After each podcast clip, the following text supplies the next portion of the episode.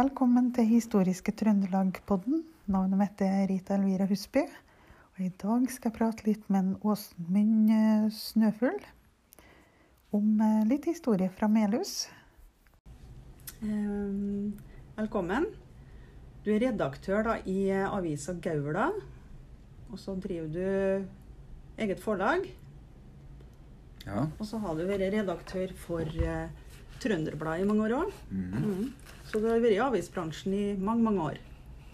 ja. Ja. Det har vært noen år, det. Mm. Og du har ikke tenkt å gi deg med det første? Nei. Nei. Men du har en del historie du vil dele med oss.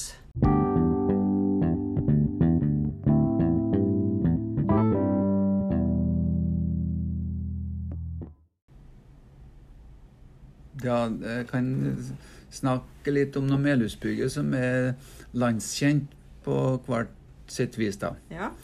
Og det er fordi at um, de har hatt um, sentrale posisjoner, eller vært flinke idrettsfolk, eller har sagt ting som har blitt blitt til eh, ord som, som går igjen, og som folk kjenner seg igjen i. ja.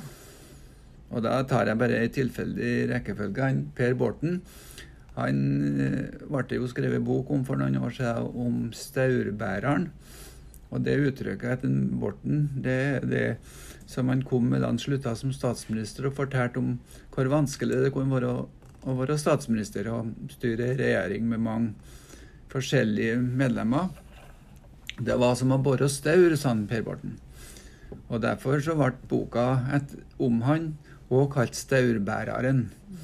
Så det å bore staur det er et uttrykk som knyttes til Per Borten. da. Og så var det en annen politiker fra Melhus som, som ikke var partipolitiker i den forstand, men han var fagforeningsmann og, og ble, var på Stortinget for Arbeiderpartiet en periode, men var mest kjent for å være eh, redaktør i Arbeiderbladet og en sentral person i partiet. Det var Martin Tranmæl, mm.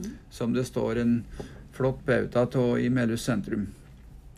Og han sa det jo under de harde kampene, arbeidskampene på, tidlig på 1900-tallet, at en måtte la dynamitten stå i borehåla.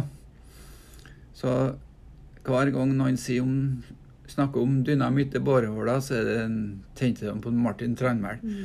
som var nokså konsekvent i sin kamp for arbeiderne sine rettigheter. Ja. Også den eldste Melhusbyggen, da, som eh, Eller den vi kjenner En av dem vi kjenner fra tidligst tid, er den Einar Tambergselve. Og hva sa han? Jo, han sa at for veik, for veik er kongens båge. Og nå vil jo Rita si det at det er fint at jeg tar med en skauning òg. Men uh, Melhusbyggen uh, ty han er fra Melhus, da. ja, ja. Du skal få lov til å si det. Men han var sikkert godt kjent i skauen òg. Og så har vi en har vi noen idrettsfolk som har gjort seg mer godt kjent. da. Det er en Wirkola.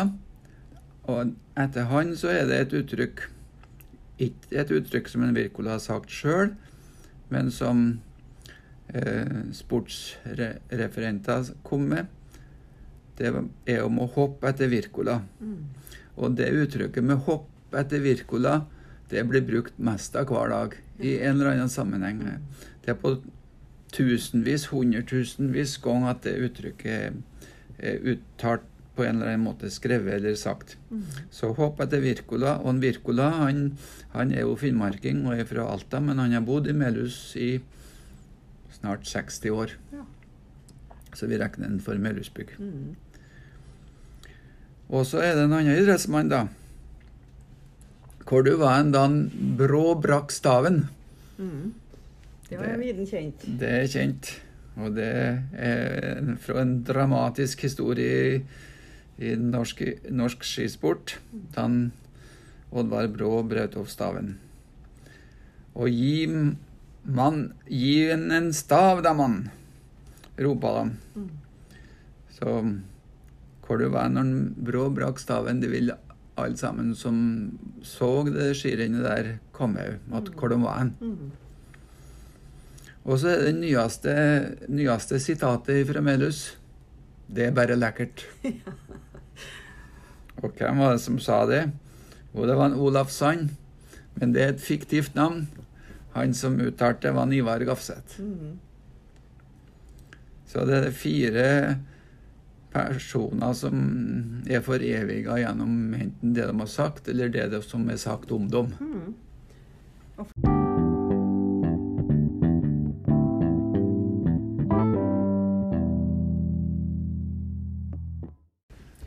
Og så lurte jeg på om du kan fortelle om når far din gjorde et intervju med han som eh, var Hva skal jeg si Som var med og viste Bjørnstjerne Bjørnson veien til Vassfjellet. Det gjorde han vel i 1905, da han Bjørnson var på tur i Melhus. Var vel i Melhus da en Bjørnstjerne Bjørnson, ja. Mm. Men du fortalte meg at du var med far din når han Ja. gjorde det her intervjuet. vi var og besøkte Carl Gravroksmo en søndag i 1969. Mm. Og da var han Carl Gravroksmo han var pensjonist og var en eldre kar. Ehm, og han bodde på Gravroksmoen, et lite bruk da, som er på østsida av jernbanen mellom Skjælingstad og Søberg. Jaha. I Melustad, altså mellom Melhus og Kvål, kan du si. Mm. Og han um, Han ehm, Carl Gravraksmo var en stillferdig og solid mann. Trivelig kar. Og han forteller da om da han var liten guttunge. Så en dag så eh, kom mora, ro- ropa mora etter den, ja, og sa at det, var, kom, det satt en mann i kjøkkenet hjemme hos dem som ville at en Karl skulle være med opp i Vassfjellet Mm. og vise en vei til Eivindskjønna, der eh, det var som var ei hellig kilde, da, var betrakta som, og der det en gang i tida var et kapell. Ble jo gutten med på, da, sjølsagt, når han ble bedt om det. Og så, men så begynte mora å lure på hvilken kar det der var som var kommet innom dem. Og han sa han var fra Gausdalen.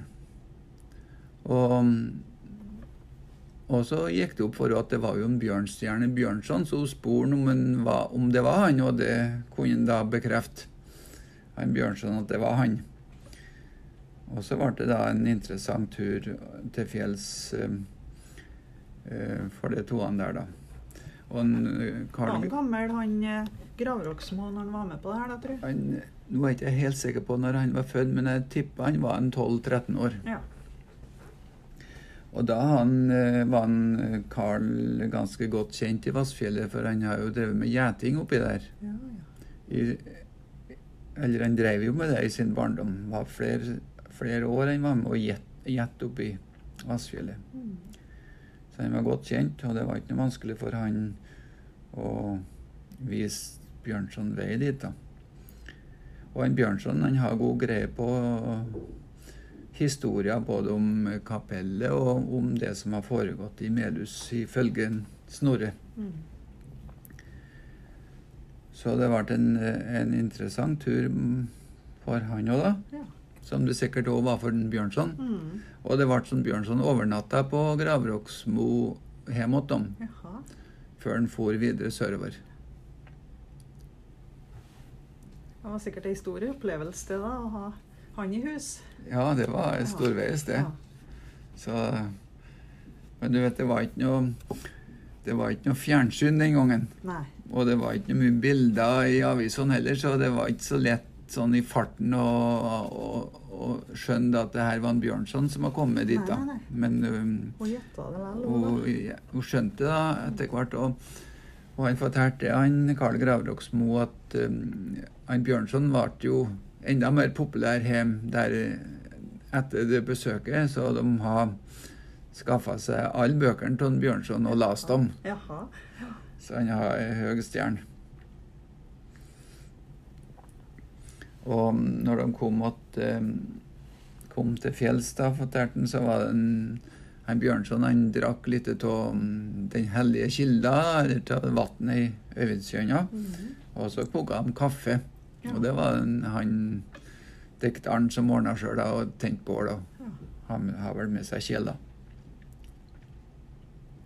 Men han, eh, Karl Gravraksmo, han var Han arbeidet eh, Han arbeidet på eh, i jernbanen, på verksted i Trondheim. Og der eh, eh, drev han og stansa ut eh, noen pakninger som sikkert var brukt til noe lokomotiv eller et eller annet. Og, og så fant han ut det at um, det der var jo et nokså ensformig arbeid som tok litt tid, men så fant han ut en effektiv måte å gjøre det på. Eh, så han fant opp en ny, et ny måte å utføre det arbeidet på, og, og det førte til at han um, fikk en um, pris fra jernbanen. Og han ble bedt om å komme på kontoret til sjefen en dag, og der fikk han et diplom, og, og så fikk han 200 kroner. Ja. Og det var ikke noe småpenger på den tida, da. Og så fortalte han det da vi var på besøk der den gangen, at um, At um, de brukte denne metoden hans fortsatt. Å ja. Ja. Ja. Det her var 69, jeg vet ikke om de gjør det nå, men det var den gangen i hvert fall. ja.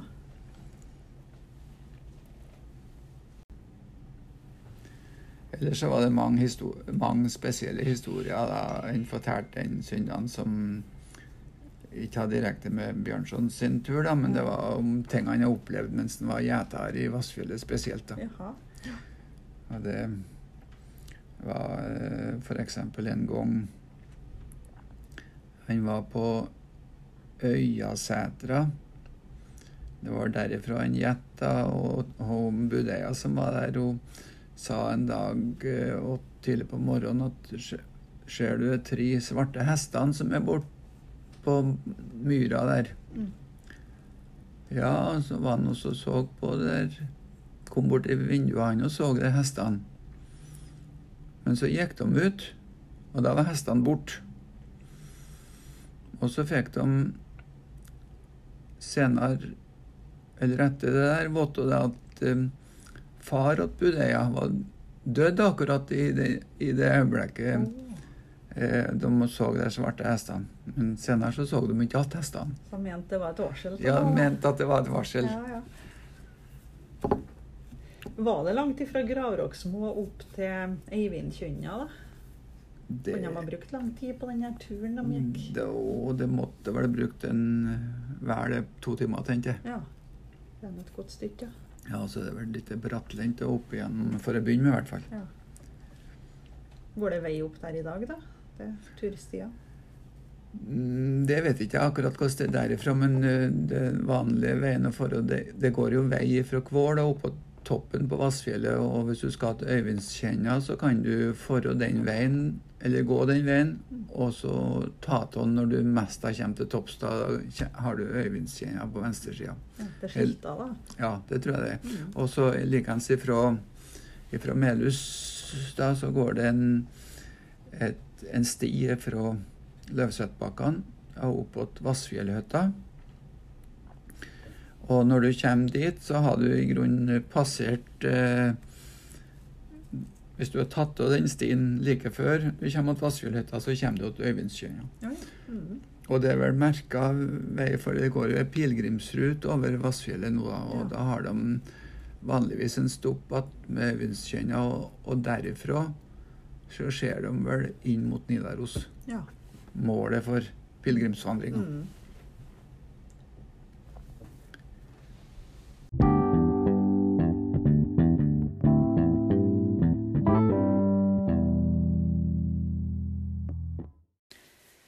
Kapellet og Den hellige kilden på Vassfjellet.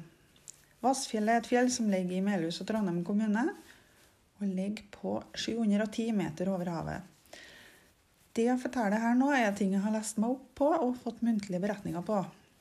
Eh, Det er mange som har skrevet om eh, både kapellet og, og kilden her. da. Sverre Marstrand annet har skrevet en fin og beskrivende artikkel. Eh, Sigrid Undset skrev jo litt om, om eh, både kapellet og kilden òg. I beretningen om Kristin Lavransdatter da, fortalte hun da om et valfartkapell nær Nidaros som kom til å spille en viss rolle i Kristin sitt liv.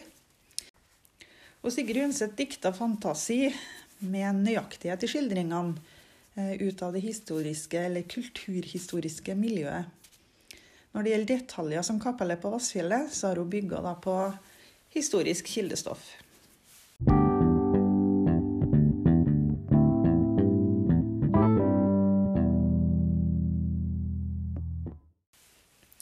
Gerhard Skjønning reiste jo også gjennom Melhus. Det var i 1775.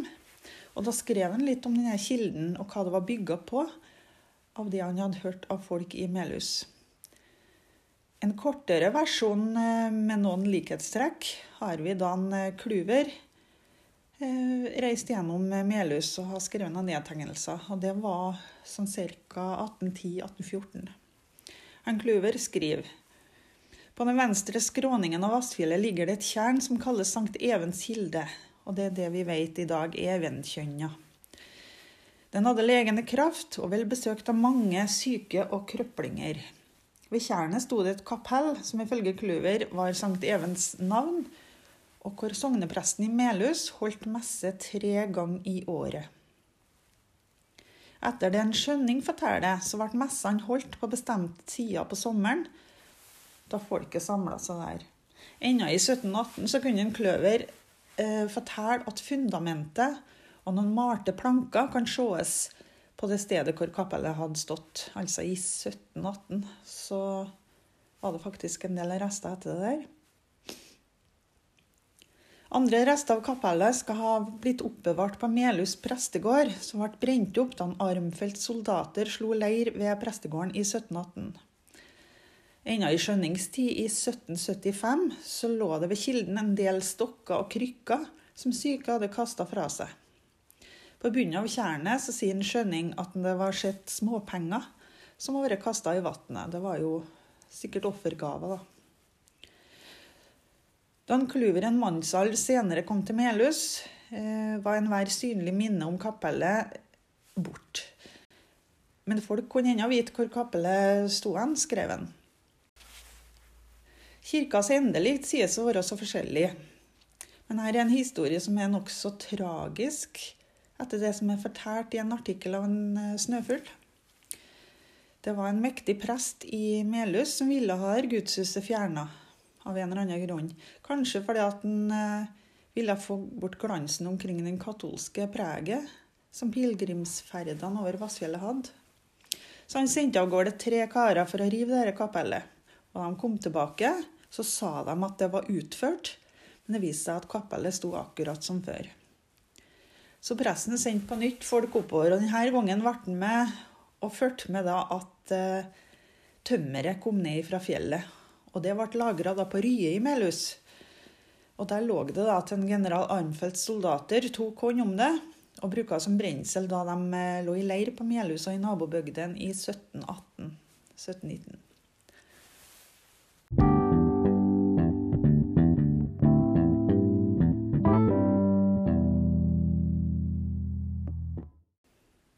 gang på sommeren i 1932 så var han fabrikkeier Olbert Eh, Spakmo fra Nypan på søndagstur på Vassfjellet i lag med sin 15 år gamle sønn.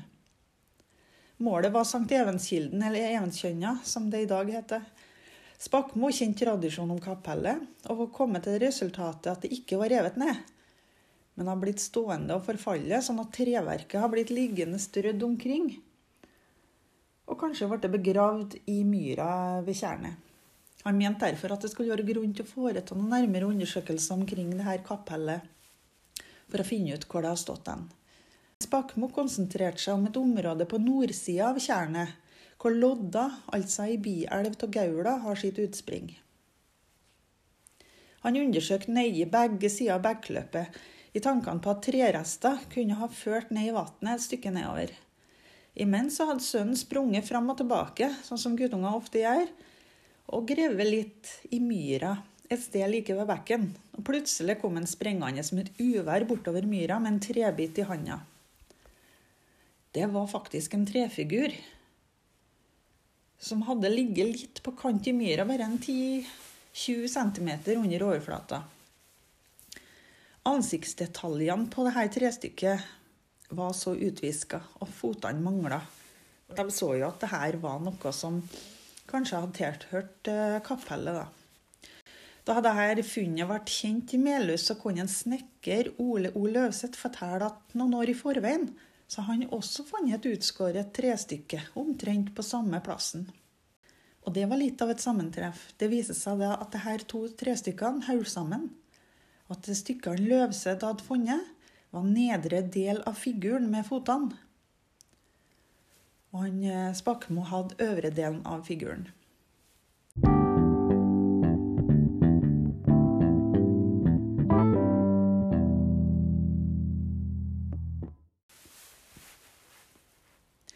I 1939 så kom den komplette treskulpturen inn til Vitenskapssenterets oldtidssamling. Her kunne de da slå fast at det dreide seg om en helgenfigur skåret i furu, og at den fremstilte en Sankt Mikael i kamp med dragen. Figuren er 47 cm høy og viser erkeengelen kledd i en fotsid, folderik skjortel og med et høyt tresida skjold i venstre hånd. Han er fremstilt stående på ryggen av en dragelignende monstrum. Og i høyrehånda, som mangler, da, har han heva lansen for å gjennombore dragen. Baksida av figuren er helt plan, og det tyder da på at det en gang var oppstilt mot en vegg. Um, og kanskje da på det kapellet. Men trestykket er temmelig medtatt. Du kan gå inn på Vitenskapsmuseets nettsider på samlingene der, så kan du se bilder av den. Jeg skal legge ut lenke på, til denne her samlinga på Facebook-sida. Så kan dere gå inn og se. Funnet av denne helgenfiguren bekrefter også tradisjonen om et gammelt kultsted ved Evenkynna, men samtidig reiser det et nytt problem. Kilden er knytta til en Sankt Evens navn, mens helgenfiguren som ble funnet i nærheten, altså fremstiller erkeengelen Mikael. Det var kanskje litt spesielt. I dag så ligger stedet langt ifra allfarvei, men det har blitt et populært eh, turmål.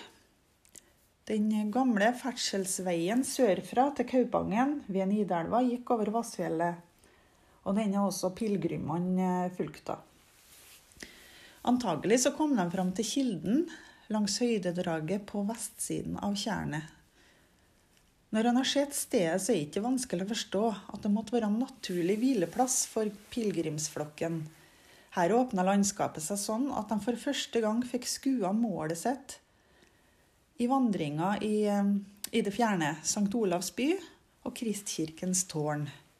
Og her var det naturlig at eh, de trøtte vandrerne hvila seg litt da, før de tok fatt på sitt siste eh, etappe mot, eh, mot byen. da.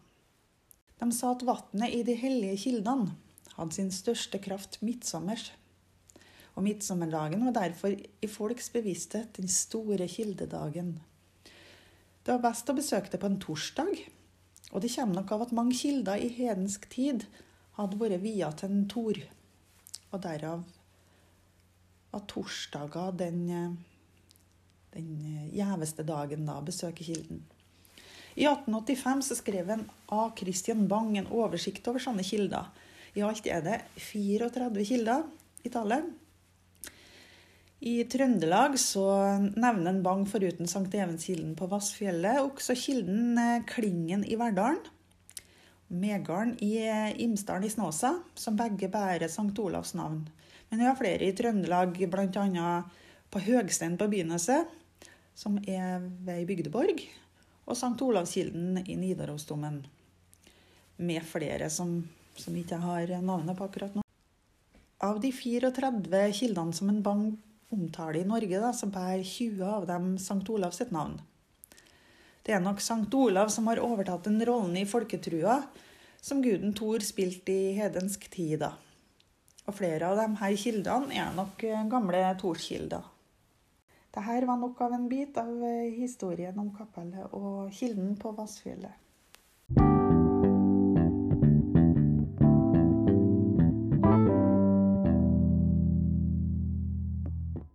I Gauldalen så har det kommer det ut i dag tre aviser. Og det er Trønderbladet, og det er Gaula, som kommer ut i Melhus, og så er det Gauldalsposten på Støren. Ja, ja. Og den første avisa som kom ut i Gauldalen, den starta opp i 1898. Var Og- det i Melhus, eller var det Nei, det var faktisk på Ler. Ja vel? Ja, det er en som heter Ola Tandvik, som ikke var ifra, fra Melhus eller Flå. Han var ifra eh, Om det var han eller det var faren som kom ifra Nordmøre. Jaha. Og, men han starta opp avis. Han drev I tillegg til avisarbeid så drev han et um, lite verksted.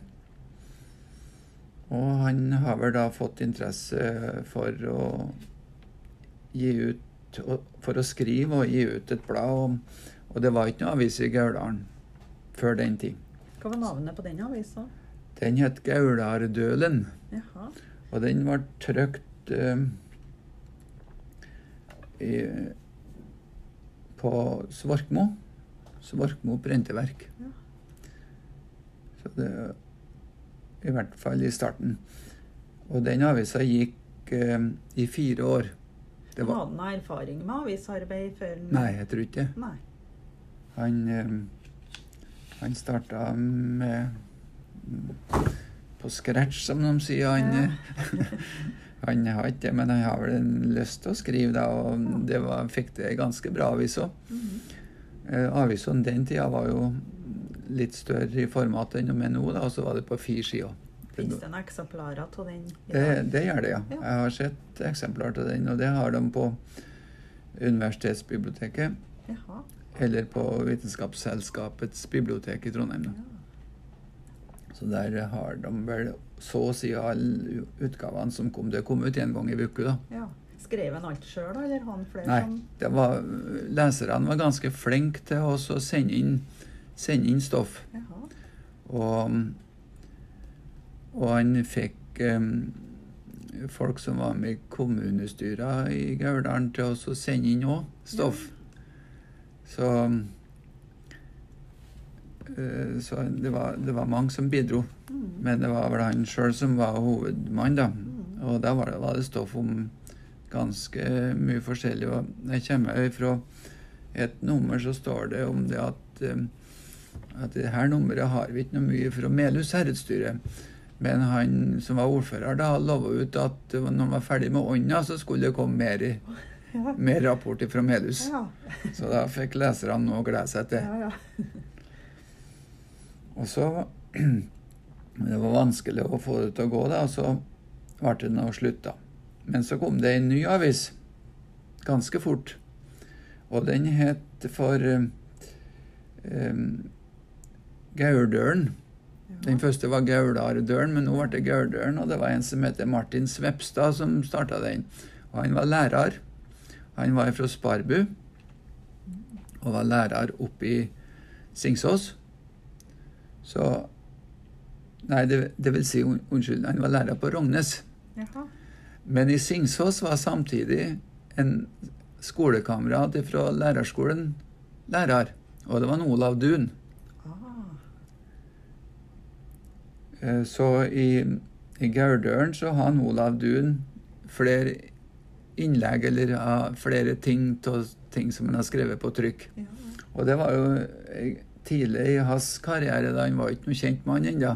Men han skrev i Gauldølen mot Martin Svepstad. Så han Svepstad der, han eh, kombinerte lærerarbeidet sitt med å være redaktør, da. Ja. Holdt på lenge, han, da? Han holdt på i fem år. ja. Helt til 1909. Og da var det en stor pause. Så da var det ikke noe avis før i 1916. Og det var ei avis som het også het Gauldølen, da. ja, ja. Og, og så kom det eh, ei avis som het Dølbrann etter det igjen. Og Dølbrann det var det en som het Martin Foss som sto i spissen for. han Martin Foss var ivrig politisk engasjert. Han var kommunist. Så eh, avisa var vel å ha en politisk radikal farge, vil jeg tro. Men det var først og fremst en lokalavis da, for, eh, for bygden opp gjennom dalen. Men var det stort sett nyheter de kom med, eller kunne det være noe lokalhistorisk stoff òg? Det var, det var ikke så greit å ha sånn aller rykende ferske nyheter da, Nei. når det kom ut bare en gang for uka. og det var, var ikke så lett å kommunisere heller. De måtte sende inn stoffet eh, i posten. Eh, det var ikke så mange som hadde telefon. Så det, men det var jo nyhetsstoff, ja. For den som fikk avisa, var det nytt. Ja, ja.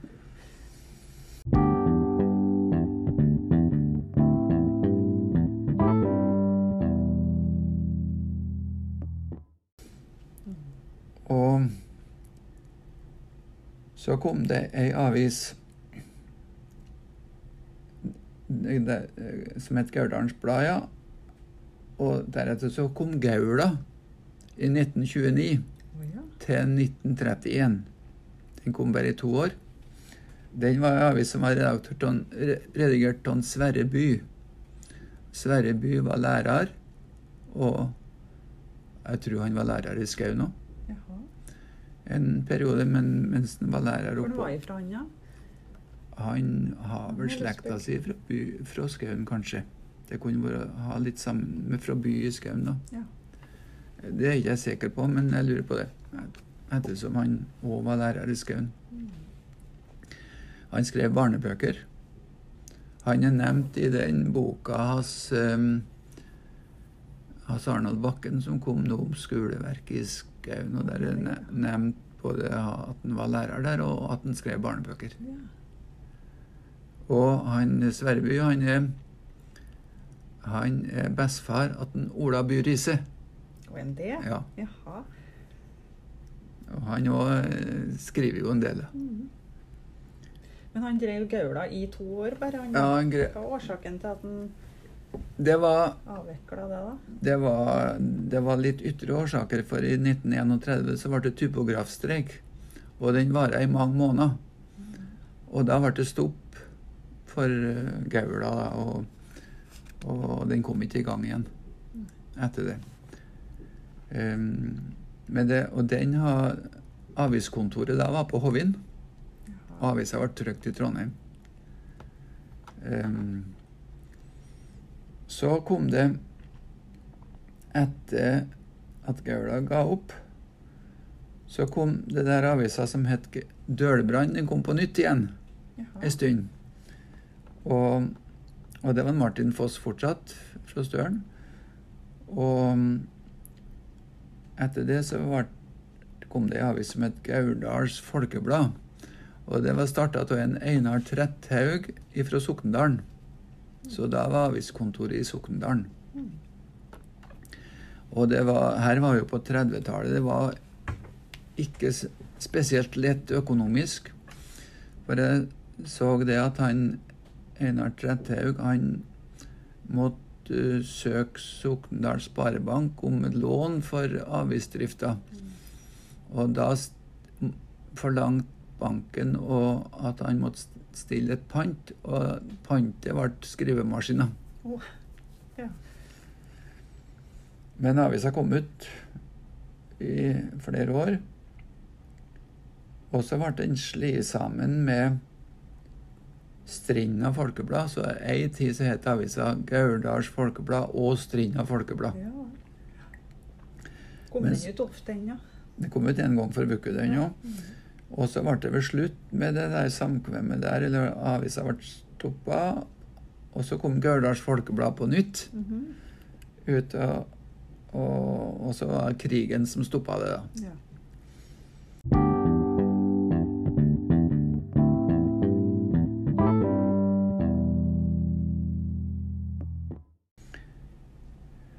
Så da gikk det forholdsvis lang tid før det ble eh, noe nytt, nytt avisprosjekt i, i Gørdalen. da. Det vil si Martin Foss prøvde i 1951 med avis, og da han trykkeriet på Støren òg.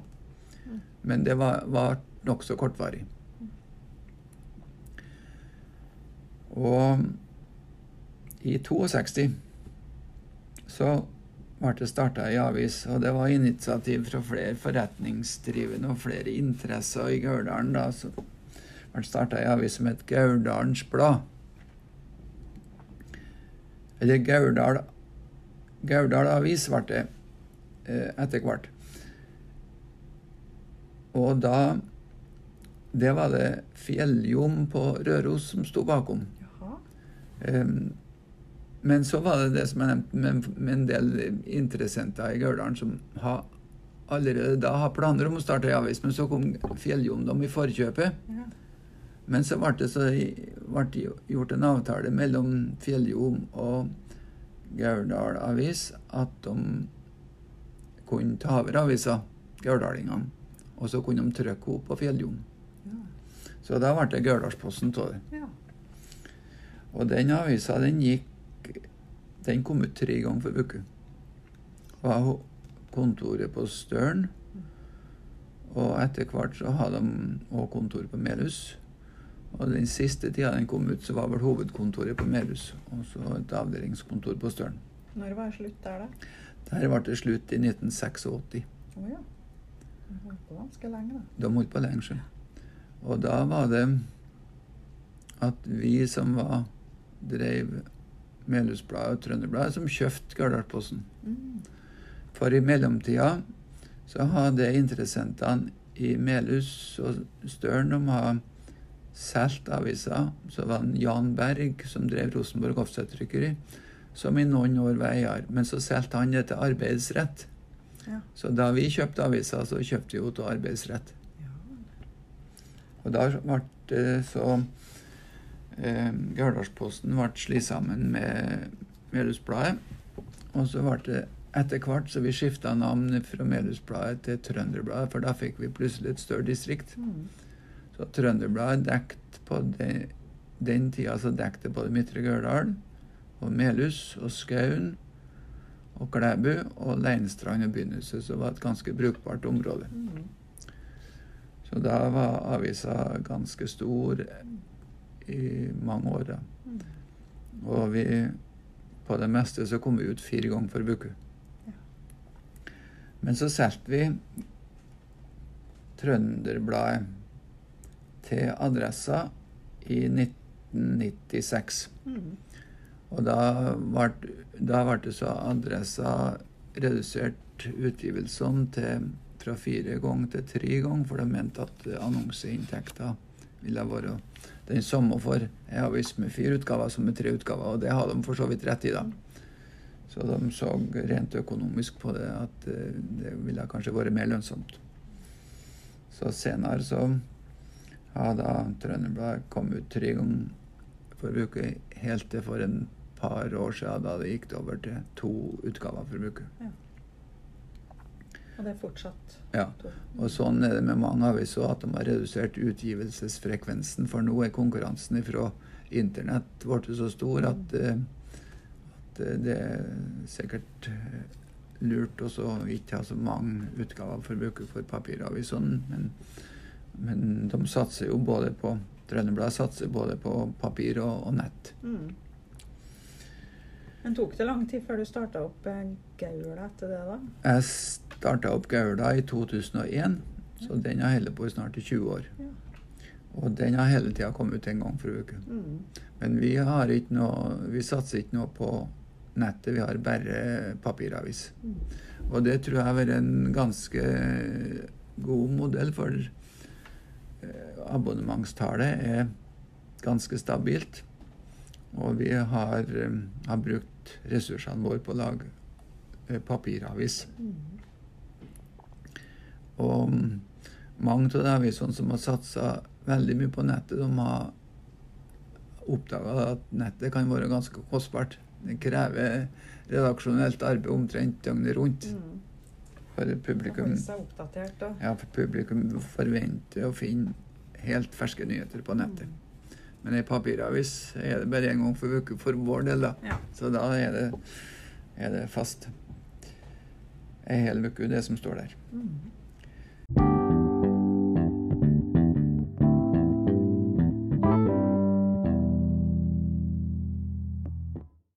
Og så ble det på Støren starta opp ei avis i slutten, på slutten av 80-tallet som het Sambygdingen.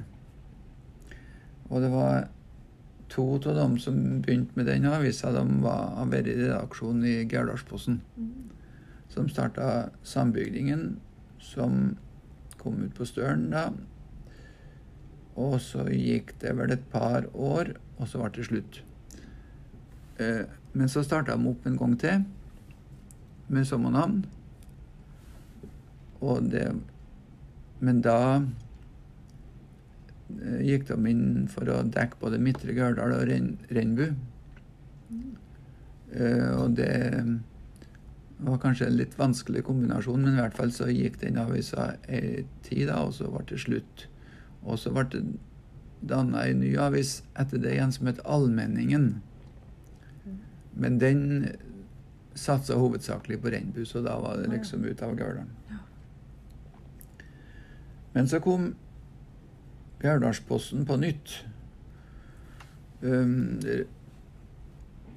Ca. 2005 starta de han Bjørn Ivar Haugen fra Kotsøy som hovedmann, og sånn Svein Halvor Mo fra Meråker, som var avismann og var, ha eierskap i flere aviser. Og han ble med i, også i Gardalsposten. Ja.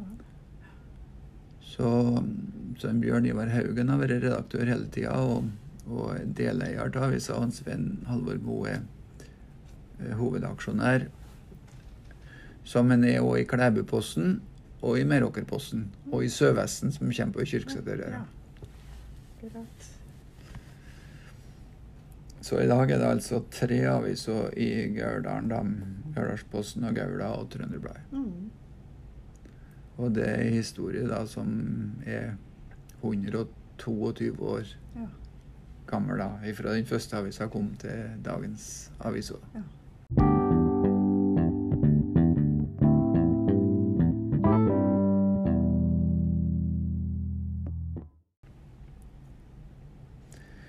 er avisene har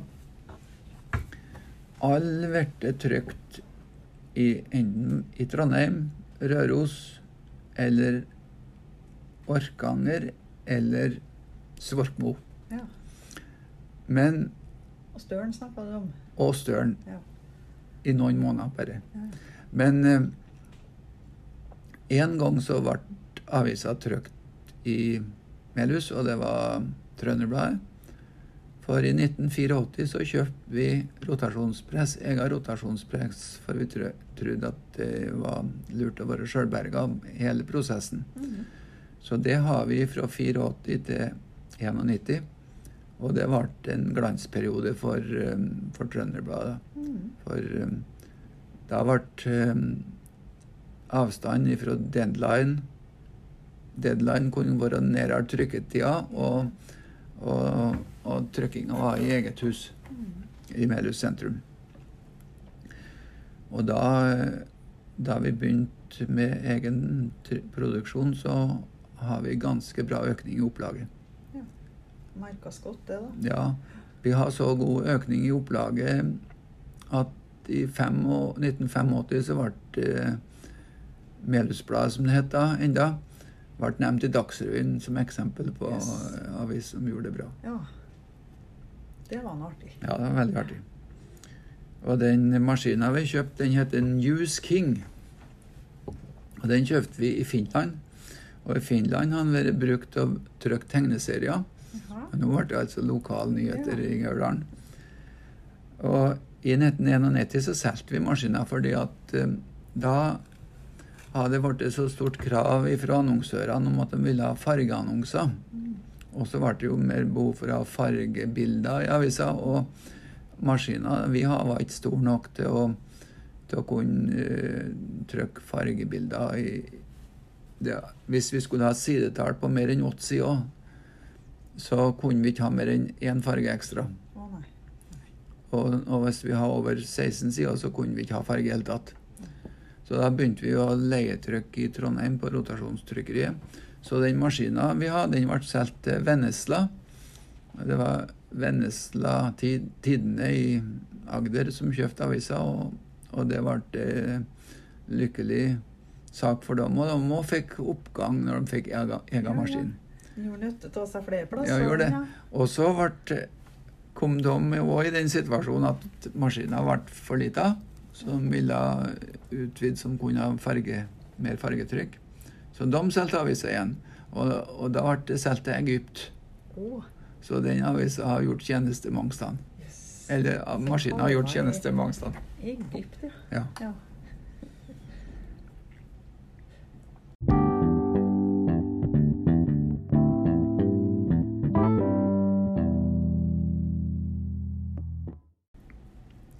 Ja. Dere trykket den i dag, da? I dag så trykker vi gaula på Orkanger.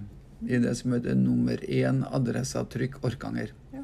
Og der trykkes òg Trønderbladet. Pluss 28 andre aviser Jaha. fra hele Trøndelag. Og så trykker de en del Oslo-aviser. Blant annet Klassekampen og Finansavisa trykkes på Orkanger. På det trykkeriet. Og det fungerer veldig bra. Ja.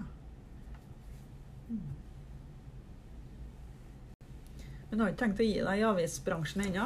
Foreløpig har ikke det, for jeg tror det er ganske artig å holde på. og Det er enda så mye en ty han må skrive om, så Ja.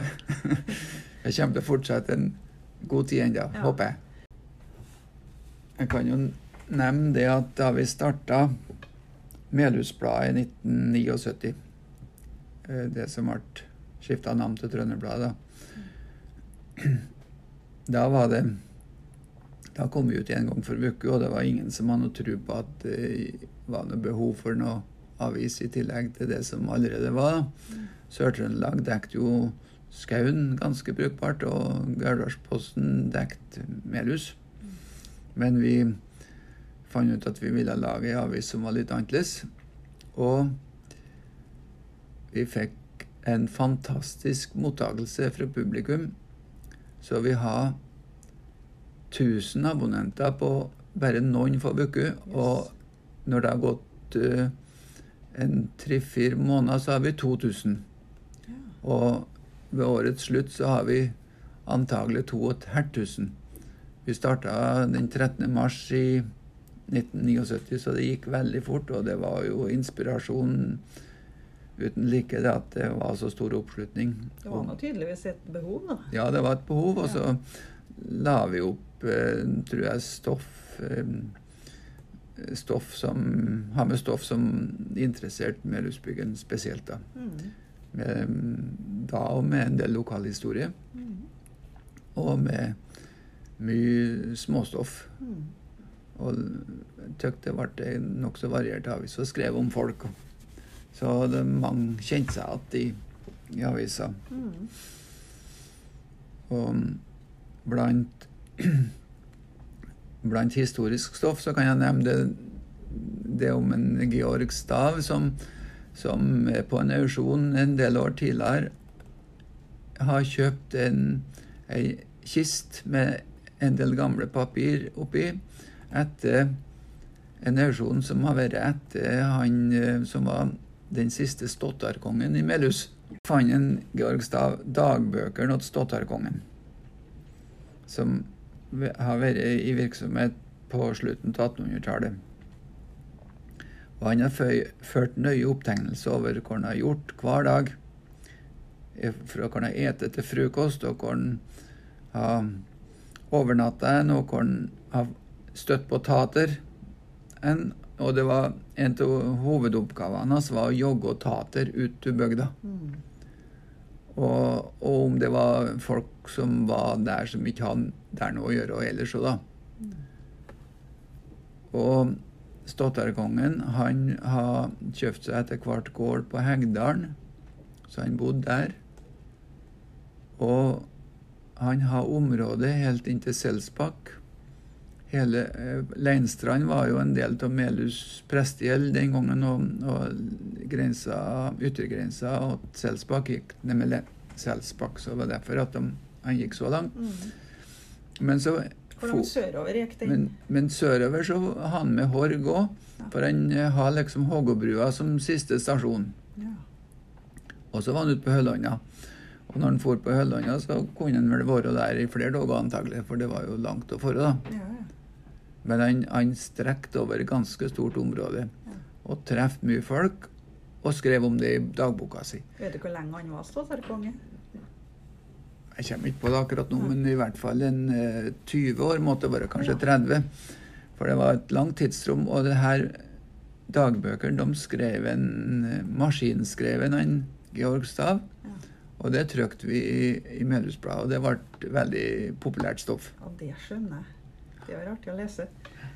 Det var en skikkelig skatt han eh, kjøpte. Ja, det, det var nok det, ja. Så det var noe av det historiske stoffet vi har, men det var mye, det var mye forskjellig, ja. Mm. Det er klart, dette der fenga jo leserne. Ja, det tror jeg det gjorde.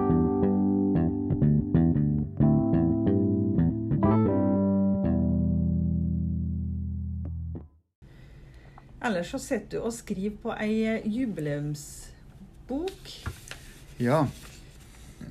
Det må du fortelle oss litt om.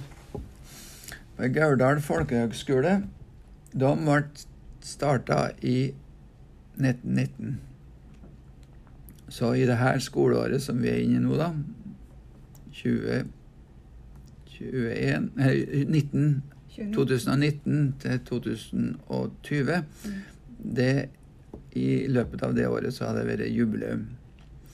Nå um, kommer ikke boka ut før til høsten.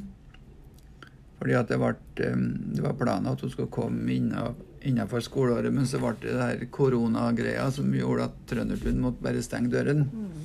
Og skolen ble avvikla. Eller skoleåret ble avvikla. Og den turen elevene skulle gjøre til New York, og de konsertene de skulle ha i Trondheim i mai, det ble avlyst. Ja. Og, og boka kommer da i, når det nye skoleåret starter i, i høst. ja. Og da blir det en liten markering. eh, Tanken er at det skal være en markering i forbindelse med at boka kommer. da. Ja. Og starten på Gørdal folkehøgskole den begynte allerede i 2000, 1916.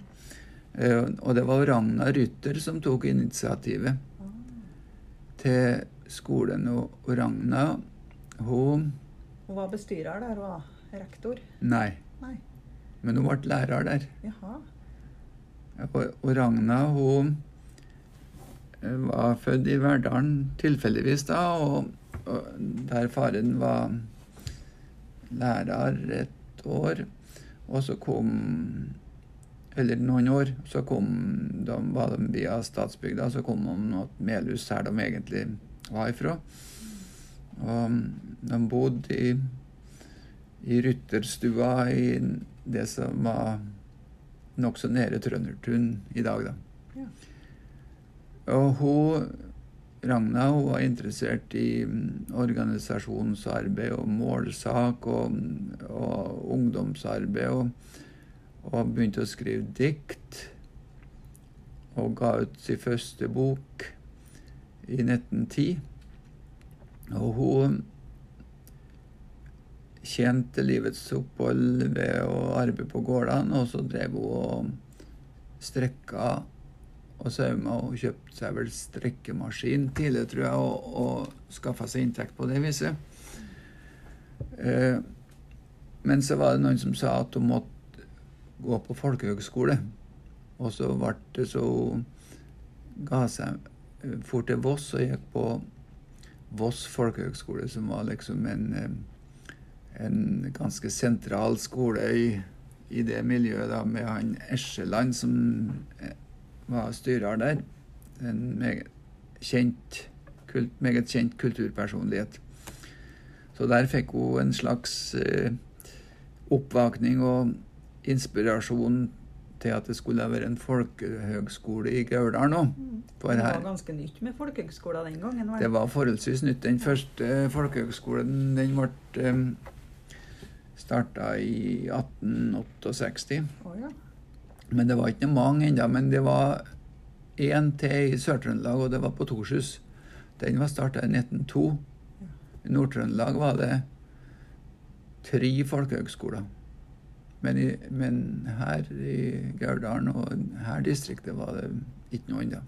Så det var en del gauldalinger som gikk på Torshus. Men når Ragna mente at det skulle være skulle det være en i, i Gauldalen òg eh, Tre mann hjem mot seg i Rytterstu for å snakke om, ville snakke om mulighetene for en folkehøgskole i, for Gauldalsungdommen. Og de tre karene det var Ola Hoseth og Ola Gresseth og Johannes Karlgaard. Johannes Karlgaard han var smed i Melhus sentrum, og de to andre var lærere. Ja. Og, og de satte i gang ganske fort. Og begynte å sende ut brev. Det var vel Ragna som sto i spissen for det. Sende ut brev til folk som kunne være interessert i, i all bygden, Helt fra Røros og helt ned til Leinstrand. Og da fikk de kontaktpersoner som kunne begynne å arbeide for folkehøgskolesaken og skaffe medlemmer til Gørdal høgskolelag. Men starten var egentlig enda litt før, fordi at hun Ragna hun har tenkt på det her med folkehøgskole helt til hun kom fra Voss et par år tidligere. Og så en ettermiddag hun satt hjemme i stu og tok seg en dupp, sovna i en stol, så drømte hun. Ja. Og så drømte hun at hun var i Vassfjellet. Og så så hun over dalen opp mot Gjømsand. Og så så hun det var et så svært et hus som sto på der. Og, så, og det var så mange vinduer på det huset, og når hun så nøyere etter, så viste det seg at det var jo fullt av folk inni der. Og der var det, der var det en som sto på talerstolen og snakka. Og han tykte hun kjente at det måtte være presten som snakka i Melhuskirka da hun var kirka sist. Og presten i Melhus da, det var Anders Hovden. Og så var det fullt av ungdommer i salen. Hun kjente at noen òg. Den drømmen der var litt spesiell, da. Eh, eh, hun skrev den ned. Og den kommer i boka òg, forresten. Og, og det rare er at eh, da skolen omsider ble etablert, så ble den bygd omtrent der hun så at den sto. Ja. Men det var jo en lang kamp før de kom så langt, da, fordi at det var stor interesse for å få skolen til bygda si. da. Singsåsbyggen var veldig ivrig på det. Og, og oppe i Horg var det interesse for det. Og Flå ville ha skolen, og Melhus ville ha det. Mm. Og mm, oppe i Åren var det òg interesse. Så det var mange som kjempa for det å få skolen. Og det, var satt i gang aksjon da, for å få medlemmer til høgskolelaget som skulle stå som eier for skolen. skolen. Og de fikk jo fort en 600-700 medlemmer. Aha. Og det var flest i Melhus, og Singsås var det mange. Og så var det diskusjon da flere ganger om hvor hvor skolen skulle være hen, og så ble de bødde til eh, tomter for skolen, eller det var gårder som ble bødde fram, som kan brukes til skoleplass. Annet oppe i Flå, og her i Melhus var det Loddgarden som var aktuell. Men endskapen på det ble at det ble et område på Gimse som ble valgt til skoleplass. Og Ja, for at det var mer sentralt, det, da. Ja, altså Melhusbyggen de fikk støtte fra leinstrandingene og fra begynnelsen var det vel noen, og, og de nedenfra. Og så var det ganske mange, da. Ja. Så det ble, alt ble som gikk inn for Melhus, da. Mm. Og han Anton Gimse, som var bonde på Gjømslian, han, han stilte eh, området til disposisjon av gården sin. Og det var en veldig fin plass der Trønderturen ble bygd. Mm. Og så var det en stor innsats fra mange hold, fra ungdomslag og fra mange frivillige. og det å få reise skolen samla inn penger. og Det kom til og med pengegaver fra norske Amerika. Så det var en stort engasjement. Brukte de lang tid på å sette opp eh, skolen? Det gikk eh, ganske fort. Jeg vil tro at selve arbeidet med bygginga tok vel et år, da. Ja. Og da bygde de skolebygninger, de bygde eh, fjøs, eller uthus. Ja. Så det var som en gård. ja. Og bur kom opp, og gymnastikksal. og Det var mange eh, klasserom. Hvordan var det indisk var- den gangen? Det var to store klasserom. Sørsalen og Nordsalen. Og så var det internat da for elevene. Og noen styreren og noen Iallfall én eh, lærer, kanskje to lærere, bodde òg i sommerhuset, så det var ganske mye folk i, i huset. Og så ble det ledd eh, hybler eh, på, i nærheten for dem som ikke kunne få plass i selve bygninga. Men skolen starta opp i 1919, og da hadde de ikke noe hus ennå. Så da ble Gauldalens folkehøgskole etablert på, i det gamle kommunelokalet på Søberg, som tidligere har vært skole.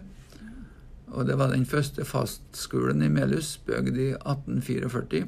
Og der har Martin Tranmæl vært elev òg. Står det ennå? Det er Nei, det. det sto til for noen få år siden det ble revet i forbindelse med at det ble en del av aldersheimen i Melhus etter hvert. Jaha. Og så ble aldersheimen flytta til sentrum, eller bygd nytt her, da. Og da ble var det en eiendomsbesitter som kjøpte områdene og så reiv de gamle bygningene og bygde Ja. nye hus der. da. Mm. Som er, så det er leiligheter der nå. Men var de lenge der, da, før de kunne ta i bruk eh, Da var de to år på Søberg, og det tredje året var de på Kotsøy. Oh, ja. Eh, som jeg nevnte, så var Singsåsbygget nå spesielt interessert i Ja. folkehøgskolen, og, og ett år var det da på Kotsøy, og da var det mange, mange elever fra Singsås og øvre delen av Gauldalen som gikk, trønder, eller gikk på Gauldal folkehøgskole. Mm. Men så det, det fjerde året var det på Trøndertun, da, som Ja. skolestaden ble kalt. Og skolen het jo Gerdal folkehøgskole helt til i 1906, 2006, da det skifta navn til Trøndertun folkehøgskole. Mm. Og det var fordi at folk sa jo at de gikk på Trøndertun. Ja, ja. Og alle sammen omtalte skolen som Trøndertun, så de, de fant ut det at det var praktisk at, og naturlig at skolen skifta navn til Trøndertun. Mm. Har dere noe oversikt over hvilke fag de hadde de første åra? Hvor det var de Det var norsk og historie og regning. Det var liksom hovedfaga. Men så var det òg sløyd for guttene, og så var det sauming og kjøkkenstell for guttungene. Det var blanda klasser, da? Ja. Ja. Mm. Så det var noe nytt. ja. Du vet, ungdommene på den tida, da, rundt 1920, de har veldig få muligheter til å gå noe videre på skole etter folkeskolen. Og det, det var det var jo den flyttbare amtsskolen som var i Børsa i før 1900. Og den hadde et år oppe i Horg. Og så ble det fast på Strinda etter hvert. Den skolen, den var jo et tilbud for ungdom, men det var bare for karer. For å begynne med. Etter hvert så ble det vel for damer òg, men det var hovedsakelig karer. Martin Tranmæl gikk der, forresten. Ehm, og ellers så var det ikke noe muligheter. Nei. Det var i byen, da. Det var katedralskolen. Og, men det var liksom ikke Det var ikke noe stort tilbud. Nei. Ja, så var det Shetlein, da, som har kommet, landbruksskolen, som har kommet eh, tidlig på 1900-tallet. da, Men det var jo bare for gutta, stort sett. Det var noe kjærkomment at det kom en skole i Ja, det var Dalføret. veldig ettertrakta, og det var populært. Men har jeg mange elever da i det første kullet? Det varierte vel litt, men det var vel rundt en 60-70 i starten. Jaha. Nå har de over 150. Ja. Nå har de større kapasitet. Det er fortsatt veldig populært å gå på folkehøgskole. Ja, det har økt på det. Så det, det var jo en periode på i 1960-åra de ikke visste riktig hvordan det kom til å gå med folkehøgskolen. 60- og 70-åra. For da begynte videregående skoler å bli nokså mye utbygd. i Gymnas, som det het først. da, altså videregående skoler. Og yrkesskoler. Så det var, tilbudet var ganske stort. Mm. Og mm, Men de overlevde jo. de overlevde, ja. Så nå er det blitt veldig attraktivt. Mm. Men det var jo noen skoler som slutta på den tida fordi at de, de klarte ikke økonomisk. Men Trøndertun de eh, satsa jo på eh, spesialisering, som egentlig ikke var eh, folkehøgskole i det, at de skulle være spesialskole, men det, det ble etter hvert, og det var antagelig ganske lurt trekk. Mm. Så de, de satsa på musikk og dans. Når var det de eh, innførte det, da? Det var begynt uh, i, mens Olve Flakne var rektor. Først på 90-tallet så begynte det så smått å satse på rock. Og så ble det mer og mer. Så mm, de siste 15 åra har det vel så å si bare vært musikk og dans. Ja. Men det har vært en suksess. Det er kanskje ikke noe mange folkehøgskoler som har akkurat de temaene, da? Det har blitt noen etter hvert. Det det, ja. For de har sett at Trøndertun har gjort det bra. Ja, ja. Men, men eh, Trøndertun er nok kanskje nokså en, enestående likevel da, i den måten det drives på. Mm. Så nå er han meldt på i 100 år. ja. Og den boka da skal gis ut til Den kommer vel etter at elevene har kommet på skolen, for eh, poenget var at det skulle være elever til stede når hun ble presentert, for da skulle det være konsert og et Ja. arrangement. da. mm. Og de elevene som kommer nå i slutten til august, de må jo bli, bli kjent med skolen først og få spilt seg sammen. Mm. Så mm, det blir vel i september-oktober, vil jeg tro. Ja. Markering blir det. Markering blir det, ja. Ja. Og det fortjener skolen, som har hatt så mange elever gjennom det her 100 åra. Mm. Så det er veldig mange som har hatt glede til å gå på Trøndertun. Ja. Blant annet han vi snakka om tidligere, Per Borten. Ja, ja, var elev der. Og eh, hvis jeg skal nevne noen andre som har gått, så det er Nils Gaup, han filmregissøren som ble um, nominert til Oscar. Mm. Ja, han eh, gikk på Trøndertun i 72-73 og var interessert i teater da òg. Ja. Og det var en annen som gikk samtidig, som òg var veldig interessert i teater. og Det var en Arnfinn Strømmevold som står bak Elden oh, på eh, Røros. Ja, ja. Og nå i senere år altså, det er veldig mange musikkelever som har gjort det, gjort det veldig godt i musikklivet. da. Og vært nominert til Spellemannspris. Yes. Det er visst nokså mange. ja. Det er litt artig, da. Ja, Ja. det er veldig artig. Nei, men det her var veldig interessant til oss, Mund. Her var det veldig mye variert.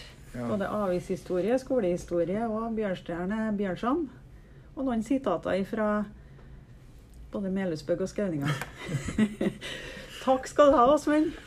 Takk, du nå.